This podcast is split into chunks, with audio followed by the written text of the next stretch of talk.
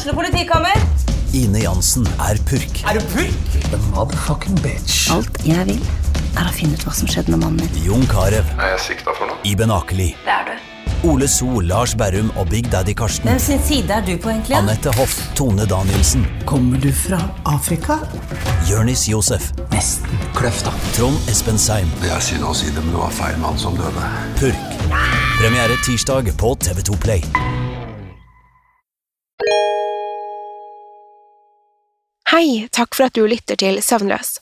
Skulle du ønske at du kunne høre en ny episode av denne podkasten hver eneste uke? Vel, da er det bare å laste ned podkastappen Untold med en gang. I tillegg til ukentlige episoder av podkaster som Skrekkpodden, Truecrimepodden og Henrettelsespodden får du masse annet reklamefritt og eksklusivt innhold. Last ned Untold i AppStore eller Google Play, og start din 30 dagers prøveperiode i dag.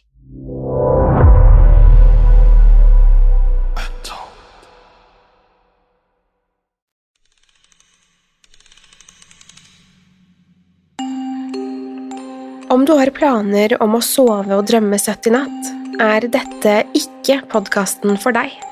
Hvis du er lettskremt, lett påvirkelig eller har søvnproblemer, bør du styre unna akkurat denne.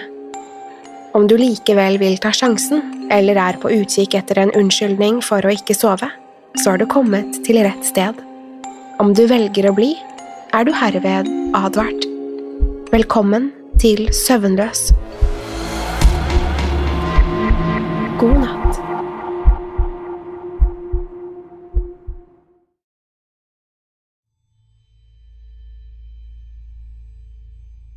Jeg vokste opp i en fattig familie i menneskehetens mørkeste time. Vi hadde aldri nok å spise, og som eldst av fem søsken var det min jobb å sørge for at det alltid var nok til brødrene og søstrene mine. Så snart de hadde spist det de trengte, fikk jeg forsyne meg av restene. Krigen snek seg inn fra kysten, og jo nærmere den kom, desto mindre hadde vi å spise. Dyrene i området forsvant, stakk av eller ble slaktet av panikkslagne landsbybeboere. Min familie fikk ingenting. Faren min hadde alltid vært en klok og forsiktig mann.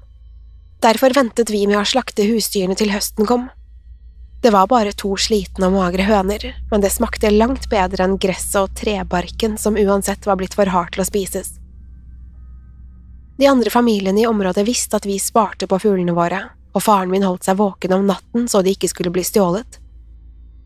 Han skal ha tatt livet av minst én mann fra nabobyen som var blitt gal av sult og prøvde å brenne ned den lille hytten vår. Da det ikke var annet enn ben igjen av hønene, og mor hadde kokt dem i hjel for å lage utallige porsjoner suppe, ble jeg sendt ut i skogen for å samle biller og mus. Sammen med de to eldste søsknene mine trålet jeg gjennom skogen hele dagen, men hadde lite å vise til da natten falt på. Vi var sultne, men ikke i livsfare, i alle fall ikke før den første frosten kom. Da var det ingenting igjen å spise. Ingen dyr, ingen insekter og ingen planter. Det var da foreldrene mine begynte å diskutere det uunngåelige, at faren min skulle reise ut til kysten og selge bestefars gamle lommeur til en av soldatene der nede. Uret var det eneste vi hadde igjen av verdi, men også det eneste familiearvestykket far hadde. Det skulle en dag bli mitt, men nå kunne det havne i hendene på en fremmed. Jeg ville ikke at far skulle reise. Det var ikke det at jeg var så opptatt av uret, men jeg var redd. Redd for at krigen skulle nå oss mens han var borte. Redd for at jeg var for ung og svak til å beskytte familien i hans fravær. Jeg bønnfalte han om å bli, men han lovet meg at det ville gå bra, og at han ville være tilbake innen to uker. Det beroliget meg likevel ikke. I panikk grep jeg tak i lommeuret og knuste det under skosålen. Nå kunne det ikke bli solgt, og far ville ikke reise. Mor gråt i dagevis. Far gjorde alt han kunne for å trøste henne, mens de dro læret av fars gamle støvler og kokte suppe på det. Neste morgen fant mor en død rotte og kokte den ren med snøen som hadde lagt seg utenfor hytten vår. Dagen etter fikk vi servert suppe av rotteknokler og mer smeltet snø. Lillebroren min Albert holdt oss alle våkne den natten mens han hylgråt av sult og utmattelse. Han ba til Gud om alt det vi hadde å spise da vi fremdeles hadde en hage og husdyr, kjøttgryte, maiskolber og lammestek. Bønnene hans fikk magene våre til å verke av sult. Da jeg ikke holdt det ut lenger, skrek jeg til ham og beordret ham til å holde munn. Imens hulket mor fra det innerste hjørnet av stuen. Far satt med Albert gjennom natten og strøk ham kjærlig over hodet. Da tynne solstråler strakk seg gjennom de tynne gardinene neste morgen, gråt han fremdeles, og vi hadde ikke fått et minutts søvn. Innen den tid hadde far gått tilbake til soverommet sitt. Jeg kunne høre ham fikle med lommeuret der inne. Nå hadde sulten min overgått frykten for soldatene, og jeg håpet far klarte å reparere uret. Han arbeidet med uret gjennom hele dagen og inn i natten. Søsteren min hadde funnet noen døde gresshopper i veggene på det forlatte bakeriet i landsbyen, og mens vi spiste dem, kom far ut fra soverommet. Like bak ham kom mor. Smilet som hadde bredt seg i ansiktet hans, var et jeg nesten hadde glemt, som om jeg ikke hadde sett det siden dagen min yngste søster ble født. Far fortalte oss at han hadde reparert bestefars gamle lommeur, og at han hadde hørt at det lå en soldatleir like i nærheten. Han lovet oss at om tre dager skulle han komme tilbake med gulrøtter, lammekjøtt og poteter, nok til å fylle magene våre et helt år. Vi barna klappet i vill ekstase og sprang rundt i den snødekte hagen som om vi plutselig var blitt fylt av energi. Far ba oss hjelpe mor å finne pynt til bordet mens han var borte. Neste morgen ga han oss alle et stykke lær fra mors støvler og kysset oss alle på pannen før han sendte oss ut i skogen. Før vi gikk, lovet han å være tilbake før vi i det hele tatt husket at han hadde vært borte. Vi var så lykkelige den dagen mens vi danset gjennom skog og bygd og plukket opp gamle hestesko og glasskår som skulle bli bordpynt. Planen var å knyte en snor i hesteskoene slik at de kunne henges opp over bordet. Glasskårene håpet vi skulle glitre i solen som diamanter.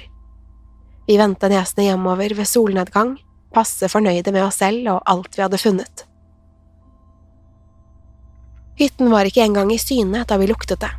Stekt løk, kyllingbuljong, krydret lam og godteri. Jeg løp så fort jeg kunne og kastet bordpynten fra meg på veien. Lukten av mat hadde fått meg til å miste hodet. Jeg dyttet opp døren til hytten og fikk se mor stå ved komfyren. Der tilberedte hun de deiligste retter i stillhet. Jeg slo armene om henne og spurte om far allerede var tilbake. Hun svarte at det var han, og at han hadde vært så heldig å møte en rik adelsmann på veien som gjerne ville kjøpe bestefars lommer. Jeg klemte henne hardere og satte meg ved bordet sammen med søsknene mine. Straks etter kom far ut fra soverommet og satte seg sammen med oss, mens mor satte maten på bordet. Hun nikket til oss, og vi kastet oss over maten.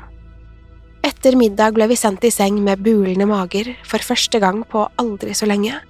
Vi spiste oss mette neste dag også, og dagen etter det, men mens beholdningen igjen var i ferd med å svinne, gjorde mors helse det samme. For hver dag som gikk ble hun sykere, og da vi kjempet oss til det siste resten av maten, lå hun svak og utmattet i sengen. Den første kvelden uten mat var den samme kvelden jeg begynte å kjenne på en merkelig følelse. Lykkerusen forduftet, og minnene fra de siste dagene ble klarere. Jeg husket plutselig at lammekjøttet vi hadde fått servert, hadde smakt søtt. I tillegg kom jeg på at tilbehøret jeg hadde luktet fra skogen, aldri var blitt satt på bordet. Jeg kunne ikke huske at mor hadde spist noe som helst etter at far kom tilbake. I stedet hadde hun sittet stille og taus ved siden av oss mens hun stirret tomt på fjellet av grått kjøtt på bordet. Når jeg tenkte over det, var jeg faktisk ikke sikker på om jeg hadde sett far siden han dro den morgenen. Stolen hans så liksom alltid ut til å stå tom. Forvirret og utsultet slet jeg med å sove den natten. Det var ikke før natten var på sitt aller mørkeste at jeg endelig forsvant inn i en kaotisk drøm. Neste morgen, da mor kom ut fra soverommet, spurte jeg henne hvor far var. Hun var svak og tåkete, men fortalte at han hadde reist for å bli soldat. Så sendte hun oss ut i skogen for å finne bark til middag. Far kom aldri tilbake. Kanskje var det grusomheten og sulten som gjorde at jeg ikke forsto det den gangen. Før moren min døde, for bare noen dager siden, avslørte hun sannheten. Fra nattbordskuffen dro hun frem en liten, støvete eske. Jeg åpnet den forsiktig og fikk se et skinnende, men knust lommeur. Jeg vet ikke hvorfor jeg endelig fikk se uret. Kanskje hun ville at jeg skulle huske alt sammen, etter at jeg hadde knust vårt eneste håp for å overleve under skosålen min som barn. Fars siste kjærlige klem før han sendte oss av gårde for å finne bordpynt. Det sterkt krydrete, grå kjøttet og den forferdelige stanken som sev ut fra mors soveromsdør. Far ofret mer for familien enn de fleste ville gjort. Jeg pleide å klage på at jeg ikke hadde noe å huske ham ved, noe jeg kunne gi videre til min egen sønn. Nå har jeg lommeuret, men jeg kan ikke gi det videre. Ikke fordi glasset er knust, men fordi uret er en forbannelse jeg selv må bære. Det glinsende, buklete metallet lukter fremdeles av søtt, grålig kjøtt.